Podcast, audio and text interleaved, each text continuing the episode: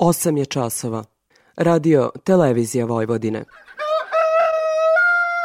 Dobro jutro, moj Bekrio. Ovde si mi poranio. Dobro jutro, moj Bekrio. Ovde si mi poranio. Ta kako ne bi poranio kad upravo počinje emisija Radio Novog Sada. Poljoprivredno dobro. Radio magazin za poljoprivredu i selo. Pred mikrofonom je Stevan Davidović.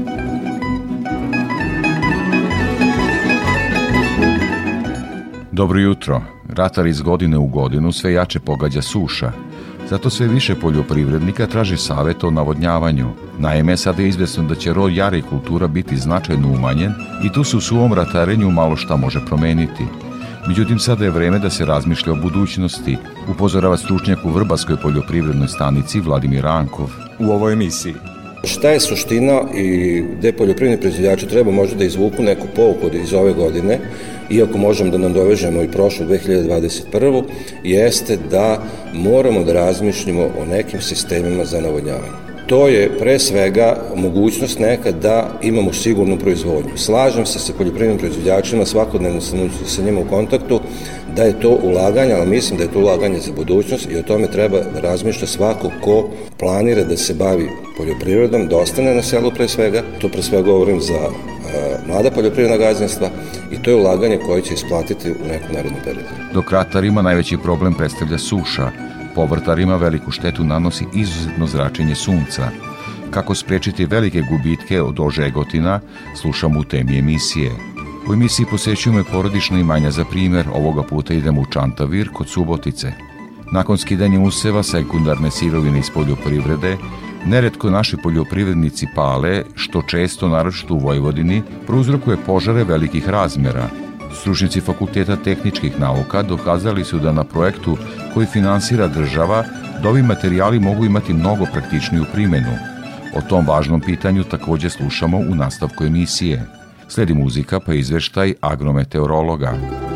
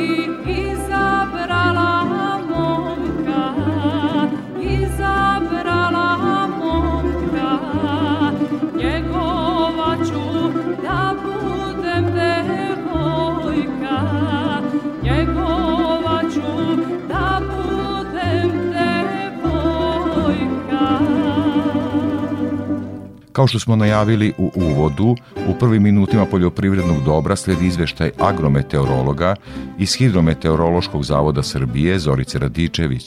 Proteklih sedam dana zabeleženo izuzetno toplo i na najvećem delu teritorije Srbije su uvo vreme. Maksimalne temperature tokom posmatnog perioda bile su značajno više od proseka i kretale su se u intervalu od 32 do 41 stepen Celzijusa, a minimalne jutarnje od 13 do 25 stepeni. Padavine su zabeležene 28. i 29. jula, ali nažalost zahvatile su samo deo Negotinske krajine, deo jugoistočne Srbije i planinske predele jugozapadne Srbije. U oblasti Deli Jovana registrovano je čak 95 mm padavina, dok je na jugu u Vranju bilo oko 10 mm kiše. Nažalost, na najvećem delu teritorije Srbije i tamo gde je izražen deficit padavina, kiše nije bilo. Vremenski uslovi nepovoljno deluju na sve poljoprivredne kulture. Ugroženi su svi ratarski usevi, povrtarske kulture i voće, naročito kupina. Ipak, ovakvi vremenski uslovi najviše štete nanose kukuruzu i soji koji se nalaze u fazama nalivanja zrna, naročito na područjima gde je bilo malo kiše. Takođe, prekomerna insolacija dovodi do žegotina na plodovima voća. Usevi su u lošem stanju na nekvalitetnim tipovima zemljišta i tamo gde nije primenjena puna agrotehnika, dok su usevi iz ranije setve gde je primenjena puna agrotehnika i gde je u prethodnim sedmicama bilo padavina u nešto boljem stanju i lakše podnose sušu i visoke temperature. Suvo i toplo vreme nepovoljno utiče na aktivnost insekata. U zasadima jabuka registruje se tek ispiljene larve druge generacije jabukinog smotavca.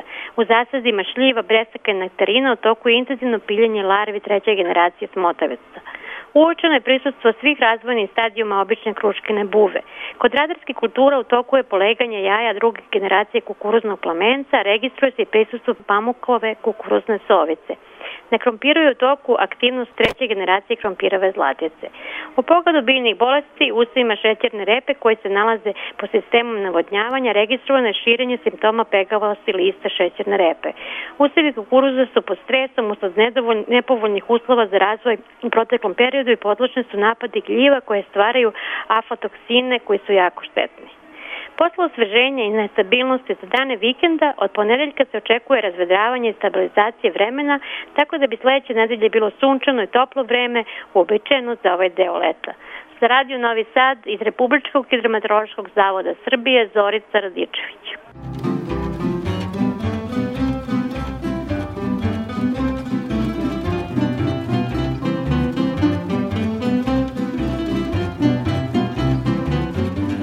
Sve više poljoprivrednika traži savjet o navodnjavanju.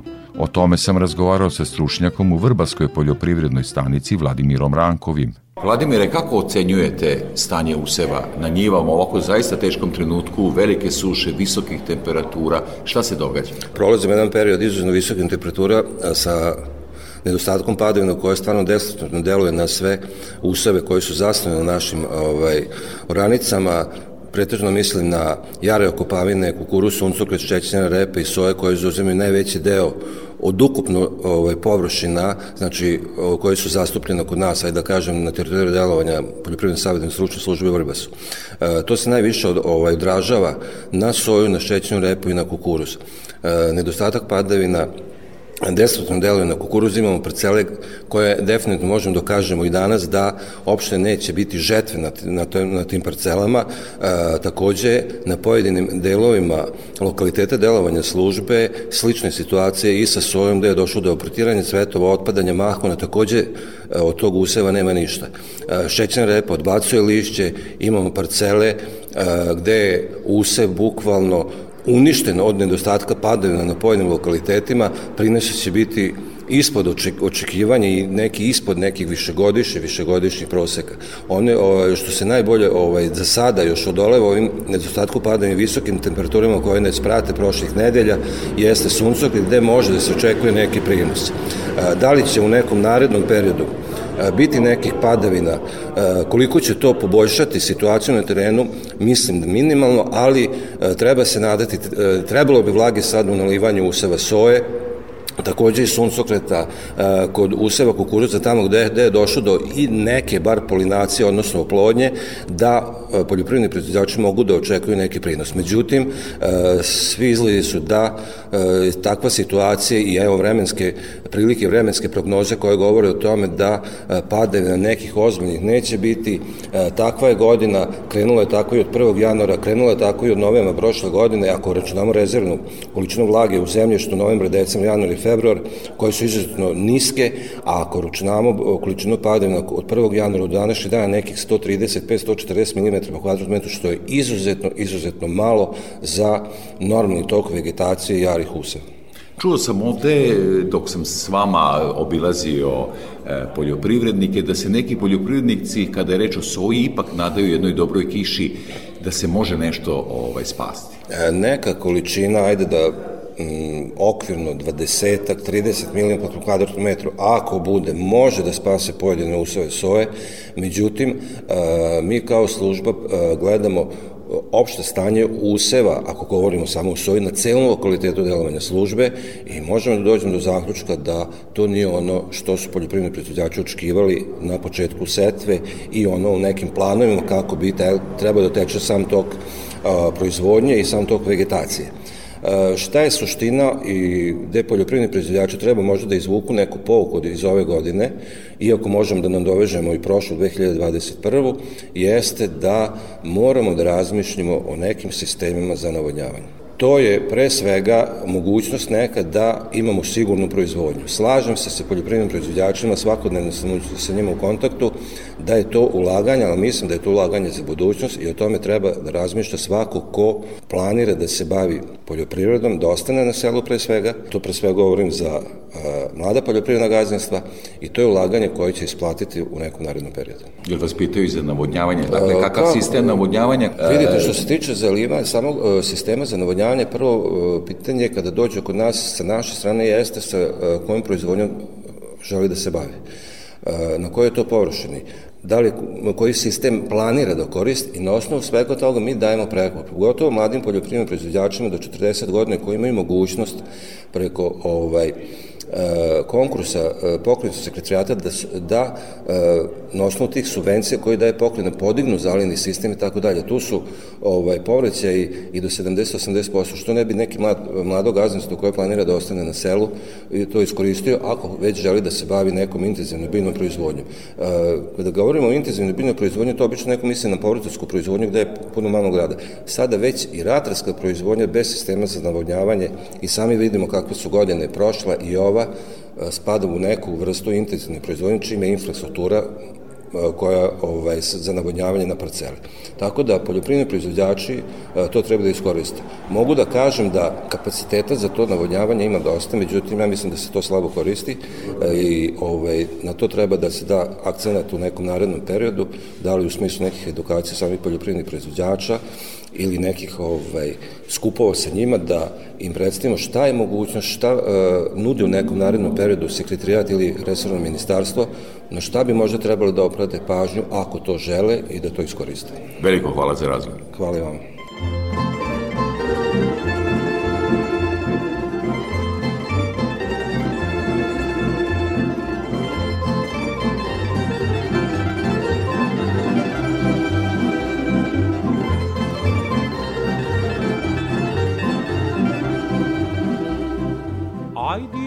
Rado Ajde idemo dušo.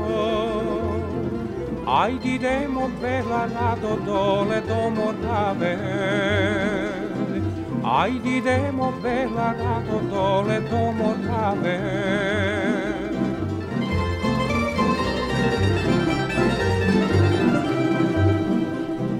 Da vidimo rado da vidimo dušo, da vidimo perla rado kako čamac plovi. Da vidimo perla rado kako čamac plovi.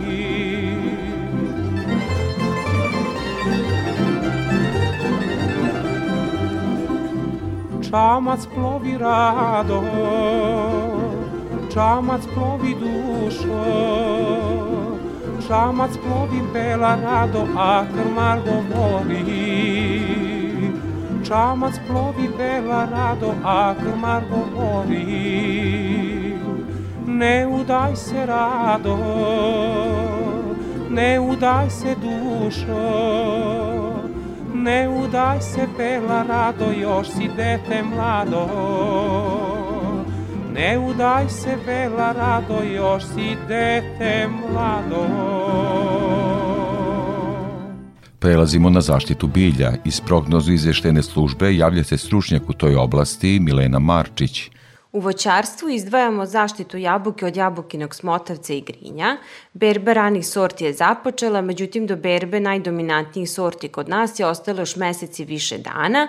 Jabukin smotavac je u našim proizvodnim uslovima najznačajnija štetočina, aktivan je sve do berbe, u toku je piljanje larvi druge generacije i sada je vrlo važno prilikom izbora insekticida imati u vidu karencu, koja se mora ispoštovati da bi plodovi bili zdravstveno bezbedni za konzumaciju. Da podsjetimo naše slušaoce, karenca je vreme koje mora da protekne od poslednje primene pesticida do berbe. Suvo i toplo vreme koje je obeležilo period za nama i koje je u najavi za naredni period povoljno je ne samo za razvoj insekata, već i za razvoj štetočina iz grupe grinja. U jabukama treba obratiti pažnju na običnog paučinara, crvenog voćnog pauka, rđastu grinju jabuke i ove štetočine treba tražiti na naličju lista. U vinogradarstvu izdvajamo zaštitu od prozrokovača pepelnice i od cikada. Pepelnica vinove loze je patogen koji izbio prvi plan u, izmenjen, u izmenjenim klimatskim uslovima poslednjih godina. Generalno, prozrokovači pepelnica su gljive koje imaju izuzetno male zahteve za vlagom. Konkretno, prozrokovač pepelnice vinove loze može da ostvari infekciju bez kapi vode ako je relativna vlažnost svega 30 do 40 procenata. U vinogradima sada preporučujemo naravno gde god je to moguće, gde god je moguće ispoštovati karencu, još jedan insekticidni tretman sa ciljem suzbijanja cikada, cikades Cafedeus titanus, koja je vektor fitoplazme flavescens dore, koja prouzrokuje zlatasto žutilo vinove loze, jer na klopkama i u vizualnim pregledima vinograda registrujemo odrasle jedinke i završne stupnjeve larvi ove cikade. I da podsjetimo slušaoce, ova i cikada i fitoplazma se nalaze na karantinskoj listi A2 naših štetnih organizama, što dovoljno govori o tome koliko su opasni i koliko mogu da ugroze proizvodnju grožđa, naravno samim tim i proizvodnju vina, vinskog turizma i sve ono što je vezano za vinogradarstvo. U povrtarstvu za ovu nedelju izdvajamo zaštitu krompira od krompirovog moljca, Pre deseta godina ova štetočina je bila najveći problem u proizvodnji krompira u južnim krajevima naše zemlje. Međutim, imamo ekstremne vremenske prilike tokom leta u vidu dugotrajnih toplotnih talasa, što ubrzava razvoj insekata, povećava broj generacija, vodi do podizanja populacije i sada imamo situaciju da je krompirov moljac problem u proizvodnji krompira u severnim krajevima naše zemlje, U narednih nedelju dana očekujemo podizanje brojnosti e, i povećanje ulova na klopkama jer je započela aktivnost četvrte generacije i sada je važno da se preduzmu sve mere koje su nam na raspolaganju, ne samo primena insekticida, U usavima gde je propala cima mi preporučujemo što pre vađanje krompira i njegovo brzo odnošenje sa parcela. Znači nikako da prenoće, e, prenoći krompir na parcelama u dvorištima, da se odmah unosi u skladišta. Ta skladišta moraju biti na otvorima obezbeđen antiinsekatskim mrežama, da se spreči ulazak leptira unutar skladišta jer on i tamo može da nastavi svoj razvoj i da napravi štete na krtolama. E, naravno, e, u ustavima gde je cima još uvek prisutna, koji se neće vaditi u narednih 7 ili 14 dana, predlažemo i hemijske mere zaštite, naravno uz obavezno poštovanje karence. E, detaljnije informacije o izboru pesticida, o njihovim dozama, količinama, karencama, o ovim štetnim organizmima i svim drugim u poljoprivrednim usevima u našoj zemlji, mogu se pronaći na portalu prognoz izveštene službe za zaštitu bilja, odakle se javlja Milena Marčić.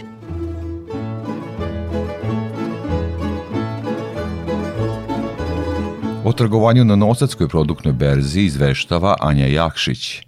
Aktivnije tržište pšenice i pozitivan cenovni trend svih primarnih poljoprivrednih proizvoda obeležili su berzansko trgovanje tokom ove nedelje. Ukupno je prometovano 4934 tone robe financijske vrednosti 195 miliona 641 950 dinara. Kako je nedelja odmicala, tražnja kukuruza je bivala sve veća. Od sredine nedelje primetna je veća tražnja u odnosu na ponudu. Iako je količinski najviše trgovano kukuruzom, obim trgovanja ovom žitaricom je manji u odnosu na prethodne dve nedelje. Cena kukuruza je tokom nedelje oscilirala, te se ova žitarica trgovala u cenovnom rasponu od 33 dinara 50 para do 34 dinara 30 para po kilogramu bez PDV-a. Ponder cena iznosi 34 dinara 6 para po kilogramu, što je rast od 3,59%. Na tržištu pšenice nastavila se veća tražnja u odnosu na ponudu. Veća aktivnost kupaca, kako domaćih prerađivača, tako i izvoznika, donela je dinamiku na ovom berzanskom tržištu, koja je izostajala od početka meseca. U zavisnosti od parametara kvaliteta, pšenicom se trgovalo u cenovnom rasponu od 35 do 37 dinara po kilogramu bez PDV-a. U odnosu na prethodnu nedelju, cena ove žitarice beleži rast od 2,17%, te ponder cena iznosi 36 dinara jednu paru po kilogramu bez PDV-a. U odnosu na prethodnu nedelju kada je na tržištu soje bio primetan nagli rast cene, ove nedelje beleži se stabilan cenovni nivo. Početak nedelje doneo je nedovoljno interesovanja na strani tražnje, međutim krajem nedelje dolazi do veće aktivnosti kupaca. Sojem se trgovalo u cenovnom rasponu od 76,50 do 77 dinara 50 para po kilogramu bez PDV-a uz obračun kvaliteta. Ponder cena iznosi 76 dinara 79 para po kilogramu, što je rast od 0,37%. Stočnim ječmom trgovalo se u zavisnosti od parametara kvaliteta od 32 dinara 50 para do 33 dinara 50 para po kilogramu bez PDV-a. U odnosu na prethodnu nedelju beleži se rast od 0,78%. Suncokretova sačma 33% proteina prometovana je u cenovnom rasponu od 31 do 31 dinar 50 para po kilogramu bez PDV-a. Sa produktne berze Anja Jakšić.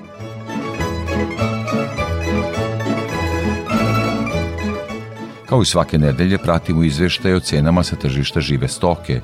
Iz Infotim Logistike Borka Lasković. Tokom nedelje za nama ustaljeni tokovi cena stoke na domaćem tržištu Srbije kao i prethodne nedelje, iako se očekivao rast nivoa cena plaćanja svinja – Tovne svinje sa farme oglašavane su po ceni od 260 do 270 dinara po kilogramu, tovljenike sa mini farme po ceni od 245 do 265 dinara po kilogramu, a tovljenike iz otkupa po ceni od 240 do 250 dinara po kilogramu.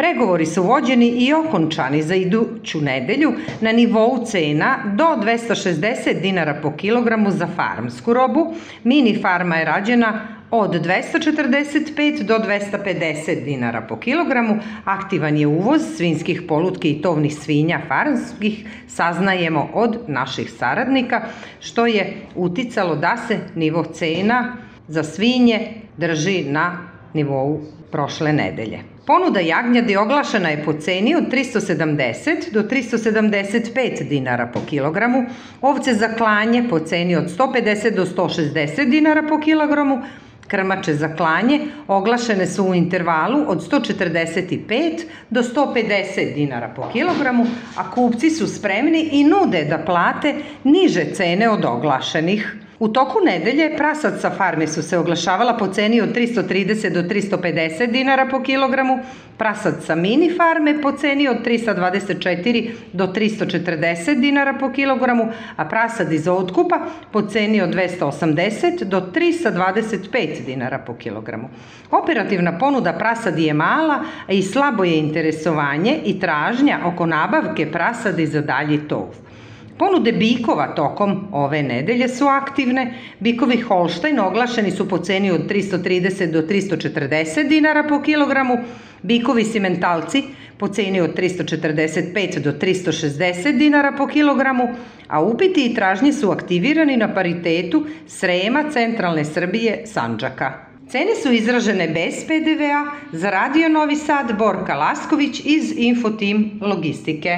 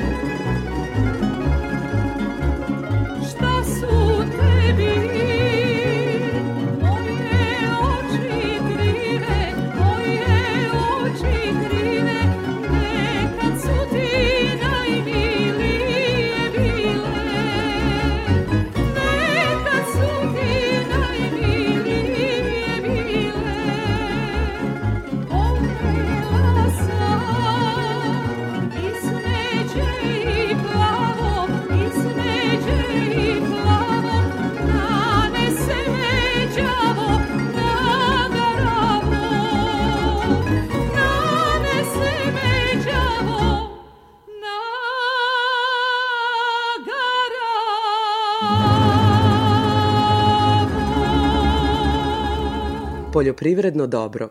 Radio Novi Sad. Tema emisije.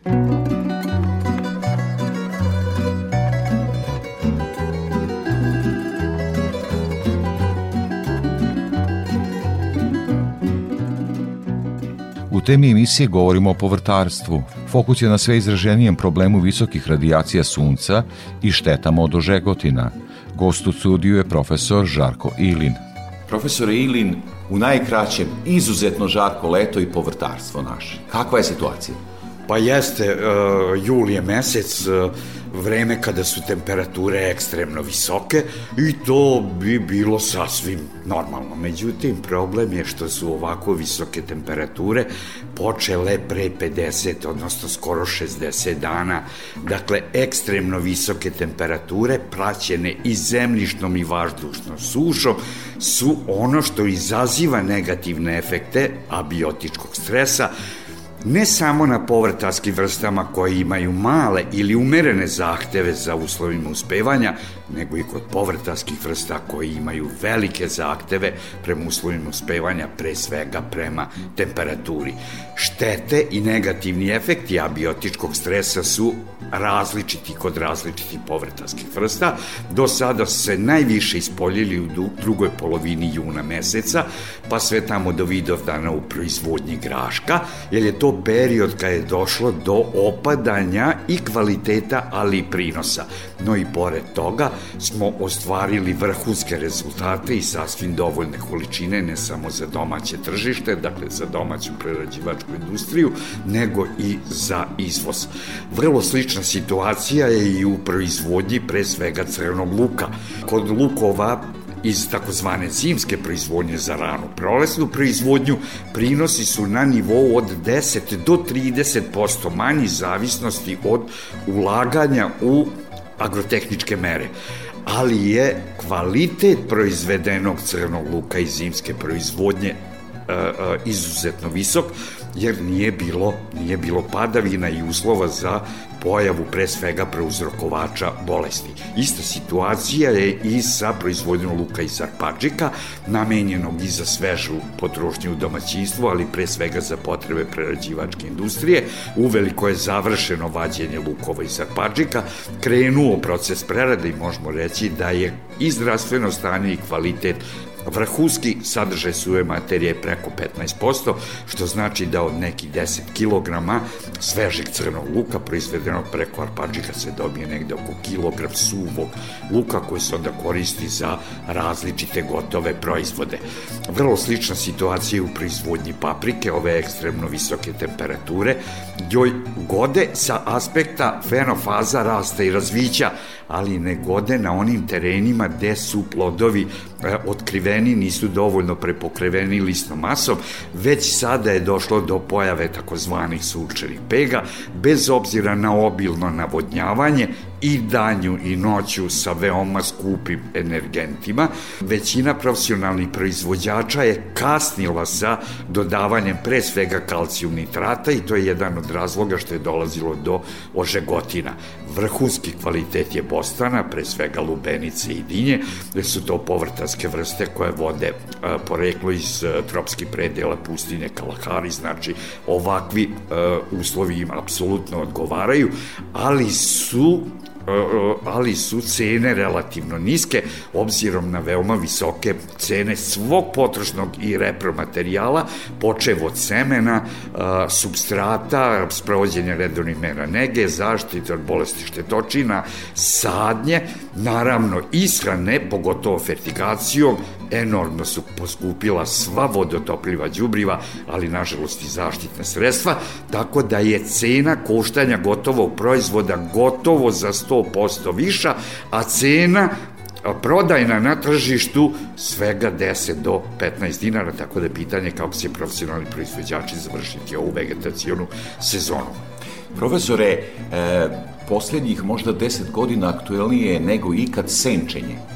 Dakle, e, navodnjavanje u povrtarskoj proizvodnji je neminovno. To se zna već duži niz godina. Međutim, ove, ove, ovih poslednjih godina takva je radijacija sunca da imamo utisak da se bez mreža više neće moći. Jeste, lepo ste to zapazili, već duži vremenski period, počeo od 2003. 2007.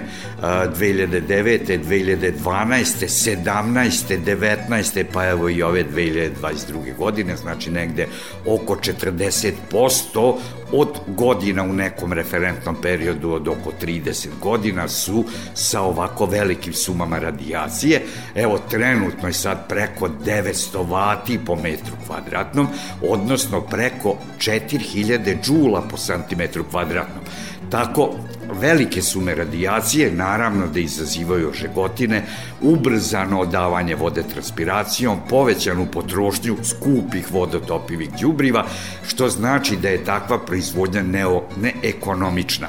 Naravno, još pre 20-25 godina u Izraelu se počelo uh, senčiti, obzirom na uh, klimatske uslove koji tamo vladaju, a kod nas u poslednji deseta godina – kod nas je senčenje neophodno obaviti na nivou od oko 15%. Tih 15% smanjenja sume radijacije će obezbediti sve idealne fiziološko-biohemijske procese u biljci, smanjiti potrošnju vode na evapotranspiraciju, ostvarit će se vrhunski kvalitet sa a, a, a, dovoljnim količinama biološko vrednih i zaštitnih materija, pogotovo šećera, ugljenih hidrata i svega onog zbog čega povrće i proizvodimo, odnosno koristimo u ishrani. Profesore, bez toga da ulazimo duboko u matematiku problema, pominjali ste izuzetno poskupljenje vodotopivih đubriva. E, senčenje, odnosno mreža, dodatno povećava ulog na njivi. Isplati li se to ako se hoće vrhunski prinosi ili ipak tržište ograničava sa cenom? Pa sigurno da se isplati iz prostog razloga što gubici mogu da se kreću na nivou od minimum 5 to je češće 20 pa čak i do 70% od ožegotina od sunčanih pega. Uz to raste potrošnja po jedinici površine kalciju nitrata koji je enormno skup kada smanjimo sumu radijacije senčenjem, praktično smo sveli na nulu gubitke usled pojave sunčanih pega. 70% na prinos paprike od samo 40 tone, 28 tona sa sunčanim pegama. Svega 12 tona paprike će biti prve klase za plasman na tržištu senčenjem sa samo 15% na našim geografskim širinama u, na Mediteranu, u Izraelu, Tursko, Juga Turske, uh, uh, Italije, Španije, moraju da senče čak i do 50%. Kod nas je dovoljno 15%, na taj način će nam se smanjiti uh, pojava sunčanih peka, što znači da je ova agrotehnička mera od izuzetnog ekonomskog značaja i mi je toplo preporučujemo svim profesionalnim proizvođačima, a kako bi smanjili gubitke usled prevelike sume radijacije, nebitno da li je izražena u vatima po metru kvadratnim ili džulima po santimetrima kvadratnim.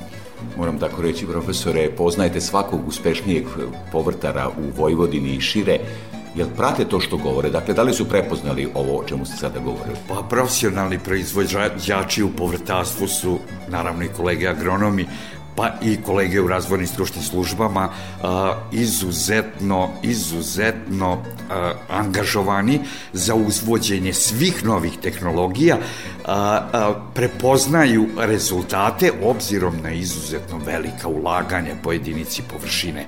Ulaganja u povrtarstvu su i do 10 puta veća nego u bilo kojoj drugoj ratarskoj proizvodnji i samo pojedinačne agrotehničke mere na koje mi, na kojima mi insistiramo, a do čih rezultata smo došli kroz različite naučne projekte su vrlo primenljivi direktno u širokoj proizvodnoj praksi, kao što je to slučaj u razvijenom svetu, pogotovo kod povrtara, ponavljam, pogotovo kod povrtara, a mogu slobodno reći i kod voćara. Profesore, emisiju Poljoprivredno dobro slušaju i profesionalni proizvođači povrtari, ali i oni koji imaju male površine za svoju porodicu hoće kvalitetno. Kako, kako tu? Tu sada nema takve matematike, kako zaštititi od prevelike radijacije sunca? A, isto što se tiče a, zaštite, a, a, tu imamo mogućnost da organizujemo proizvodnju u plodoredu, imamo mogućnost da odredimo vreme setve, odnosno sadnje, I naravno ne moramo senčiti sa klasičnim standardnim mrežama, nego možemo senčiti i običnim agrotekstilom. Agrotekstil je bele boje, direktno odbija, direktno se uče zračenje i značajno snižava, ne dozvoljava prolazak infracrvenih zraka i direktno snižava značajno temperaturu ispod, ispod agrotekstila, a isti je znatno jeftiniji i postićemo uh, željene, željene efekte. Osim toga, i sve druge agrotehničke mere moraju biti racionalno primenjene u pravo vreme kako bi efekat istih bio, bio na na vrhuncu, odnosno kako bi ostvarili željene efekte sa što manje gubitaka i proizveli povrće na prvom mestu visokog kvaliteta, a tek zatim po količini i u kontinuitetu. I za finiš ovog razgovora, mislim, evo sve, nekako idete i govorite o visokom kvalitetu i o potencijalima i o tome da profesionalni proizvođači koriste sve najnovija agronomska rešenja. Izvoz, e, mnogi pričaju voće, ratarstvo, ono, nekako povrtarstvo tu mi je ispod radara. Koliko je značaj, odnosno koliki je značaj izvoza kada je u pitanju povrtarstvo? Pa, e, Srbija je značajan izvoznik, obzirom da je značajan proizvođač, proizvod, proizvodimo otprilike duplo više od naših potreba i značajan smo izvoznik, nažalost, i svežeg, bolje je što smo značajniji i veći izvoznik na različite načine prerađenog povrća, jer tu imamo dodatnu vrednost, nebitno da li se radi o sušenom, odnosno dehidriranom povrću, poput a, a, začinske paprike, sušenog luka, pešuna, paštrnaka, listnatog pešuna, listnatog celera, listnatog spanaća, zatim a, duboko zamrznutog ili hladno prerađenog povrća, počev od kukuruza šećerca, graška, boranije, e, zatim paprike, zatim na e, prirodno prerađeni način, dakle procesima biofermentacije, kao kod kiselog kupusa,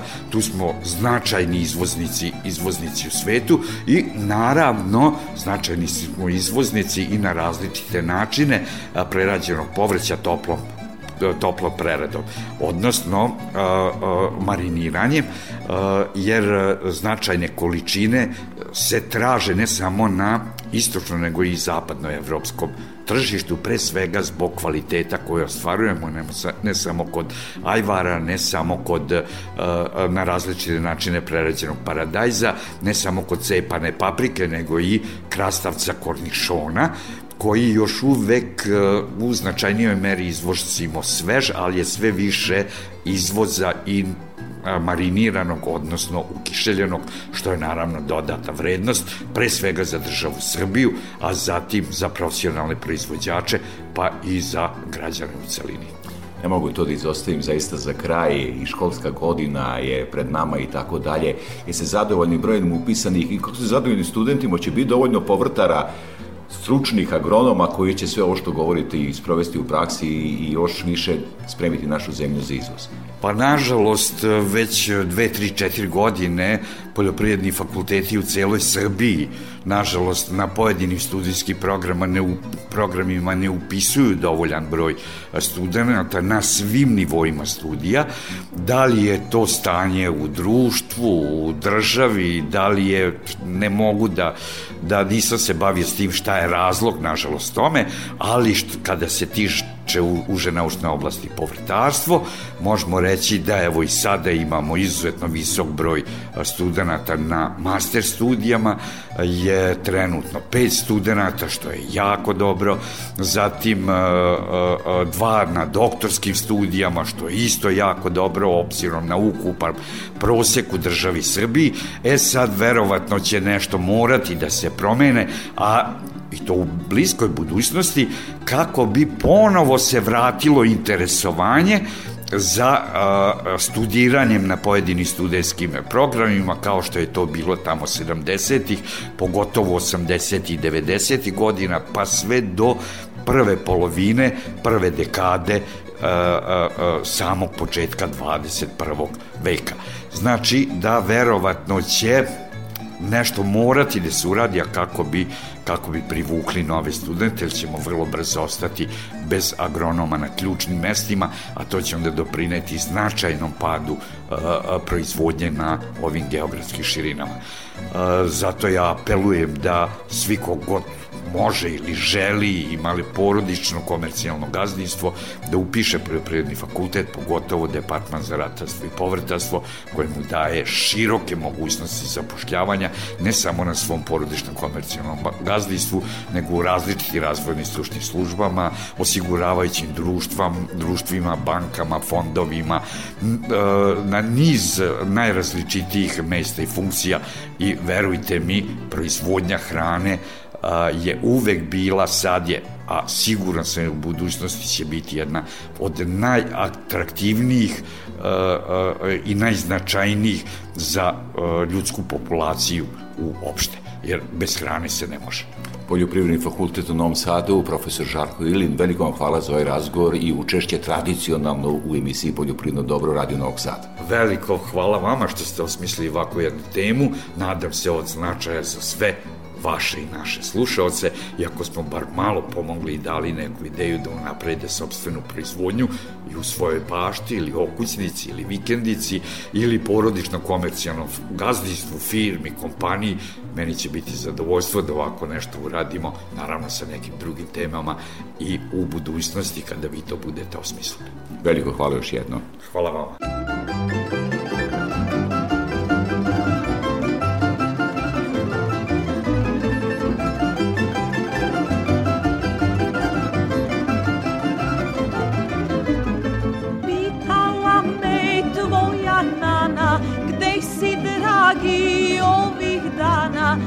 Misli da si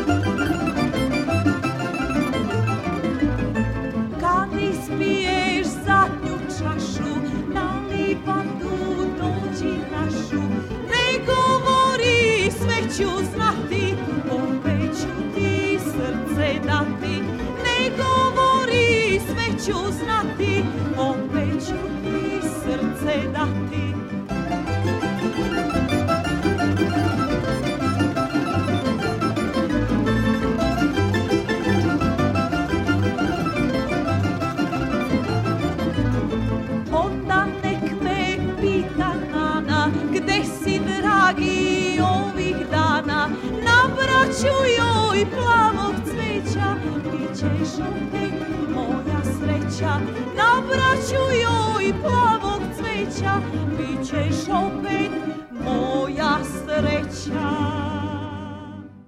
U nameri da prikažu primere porodičnih gazdinstava na koje mogu biti ponosni, mađarski poljoprivredni portal Agrotrend pokrenuo je izbor za najlepše imanje u Vojvodini. U konkurenciji su četiri porodične imanja za primer, a mi smo obišli jedno od njih u Čantaviru kod Subotice, Boris Šuman. Šest decenija na istom mestu raste i razvija se porodična farma muznih krava porodice Balaša. Glavnu reč vodi Mikloš, treća generacija na ovoj farmi, a posao će od njega jednog dana preuzeti njegova dva sina, jedan specijalizovan za ratarstvo, a drugi za veterinarstvo. Trenutno imaju 220 muznih krava i nisu fokusirani na proširenje stada koliko na stvaranje najboljih mogućih uslova kako bi iz tih grla izmuzli što više kvalitetnog mleka, 8 do 9 tona dnevno, sa muznim prosekom od 33 do 37 litara po grlu u zavisnosti od perioda godine. Ja sam treća generacija na farmi, deda, tata, evo ja sam sa suprugom, počeli smo da radimo intenzivno mlekarstvo, pre smo radili samo malo i ratarstvo, ali od 80. godine smo počeli da povećavamo broj grla, objekte, svake pete godine novi objekat, povećanje 50 grla i dan danas smo stigli do 220 muznih grla i 650 grla na farmi, znači sve stado nam ostaje, tovljenike tovimo, junice ostavljamo za priplod i za remont, malo na tržište, pa kako smo dostavili, to je jako teško bilo, imali smo teško vremena, lake, evo sad unazad dve godine nam je sa proizvodnjom mleka jako teško, ako ne bi imali ratarstvo, mi bi zatvorili kao ostali, neki su već morali zatvoriti farmu zato što ne mogu izaći na kraj, zato što mlekarstvo sad momentalno u gubici, sad e, problem kod ratarstva, ratarci su sad dobro zato što cena otišao skoro neki proizvoda 100%, 80%, a to nas je ubilo zato što cena mesa i mleka nije išlo paralelno sa proizvodnjom hrane i mi smo opet na naj, naj, najloše situacije momentalno. Sad smo i u dilemi kako da nastavimo, kako ćemo da preživimo. Naročito ove godine, ovo suša što nas dočekuje, to će biti jako veliki problem. Kako ćemo preživiti, ne znamo ali, ali sve je teško. Farma porodice Balaša jedna je od četiri farme u Vojvodini koje učestvuju u nadmetanju za najlepše imanje u našoj pokrajini, takmičenju koje je pokrenuo specijalizovani poljoprivredni portal iz Mađarske Agrotrend. Slične izbore imaju godinama nazad u Mađarskoj sa ciljem da predstave uspešne porodične farme i istaknu primere dobre prakse na koje se drugi farmeri mogu ugledati. Sada su tu praksu proširili i van granica Mađarske. Kako će izgledati ocenjivanje, pojašnjava glavni urednik portala Agrotrend Zoltan Matrai. A legszebb birtok úgy folyik, hogy van egy zsűrink, aki zsűrikkel végiglátogatjuk a birtokokat, elmegyünk, megnézzük, van egy 13 pontból álló listánk, ami alapján a szépséget megállapítjuk. Ugye a szépség nem csak szubjektív lehet, hanem ilyen pontozási alapon objektív is lehet. Ez a pontszám alapján fog eldönni, hogy melyik birtok lesz a zsűri szempontjából a legszebb. A szépséget objektíven sok minden meghatározhatja, mi úgy döntöttünk, hogy például állattartó telepeken a higiénia, egyébként a kiskert, ahogy itt látjuk is, nagyon szép egyébként, de például a szomszédokkal való együttműködés, az innováció és pár olyan paraméter, ami még ahhoz segít, hogy ez objektív legyen, és ne csak egy ilyen ránézésre szép birtok. Nagyon fontos, hogy olyan birtokokat keresünk, akinek aki az adott helyen, ahol él és gazdálkodik, ott a szomszéd, szomszédaival jóban van, hogy olyan, olyan bemutatható példaképet keresünk, akire más is büszke lehet, nem csak mi. Partner Agrotrenda u promociji pozitivnih poljoprivrednih primjera iz Vojvodine jeste domaće preduzeće Agroteh. Koji su ostali učesnici, predstavlja menadžer prodaje ove kompanije Gabor Slivka. Ove godine ćemo e, četiri lokacije da obiđemo zajedno sa žirijem od Agrotrend Fond Hua, a to će biti Čantavir, gde se nalazimo trenutno kod gospodina Balaša Mikloša, posle idemo u Doroslovo od gospodina e, Holo Rolanda, onda idemo malo u Banat, u taj srednji i taj južni deo Banata, u Debeljaču kod gospodina Peca Đuričkova i na kraju završavamo u Jermenovcima kod gospodina Biročabe. Ideja organizatora jeste da sličan izbor narednih godina upriliče i u susednoj Rumuniji. Svoj glas možete dati i vi na sajtu agrotrend.hu.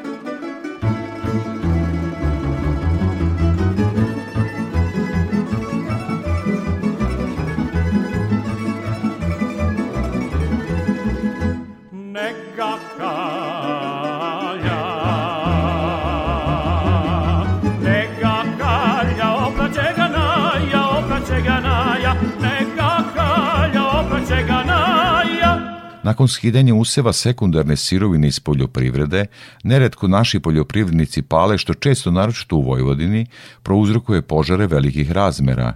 Stručnjaci Fakulteta tehničkih nauka dokazali su na projektu koji finansira država da ovi materijali mogu imati mnogo praktičniju primenu, o tome Đorđe Simović. Varandi profesor na Fakultetu tehničkih nauka Siniša Bikić, rukovodilac je projekta Promis, čiji je cilj istraživanje kako da se najpraktičnije iskoriste čestice dobijene iz stabljike suncokreta soje, ljuske oraha i lešnika da bi poboljšali karakteristike ionskih tečnosti. Na taj način smo poboljšali e, termofizičke osobine ionskih tečnosti. Te sad nove tečnosti koje smo mi dobili mogu da se koriste u izmenjivačima toplote, u akumulatorima toplote, u hidraulici i one će doprineti da ti uređaji budu efikasniji i da budu manjih dimenzija. Izmenjivači toplote imaju praktičnu primjenu kod automobila, frižidera i zamrzivača, u daljinskom sistemu grejanja i mnogim drugim uređajima, tako da se očekuje da rezultati projekta koji finansira Fond za nauku Srbije dobiju praktičnu primjenu u privredi kako naše zemlje, tako i inostranstva.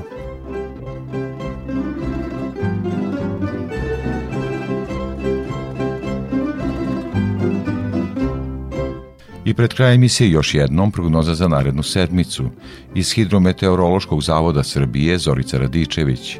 Posle osveženja i nestabilnosti za dane vikenda, od ponedeljka se očekuje razvedravanje i stabilizacije vremena, tako da bi sledeće nedelje bilo sunčano i toplo vreme, uobičajeno za ovaj deo leta.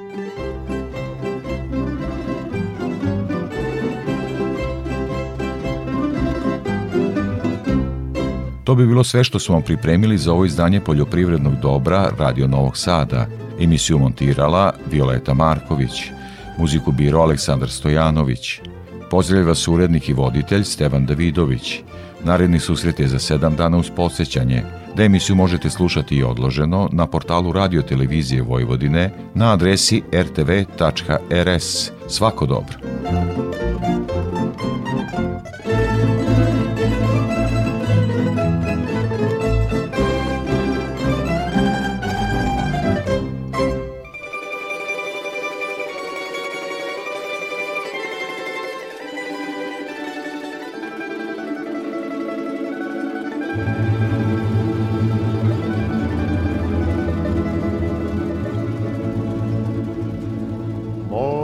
sarda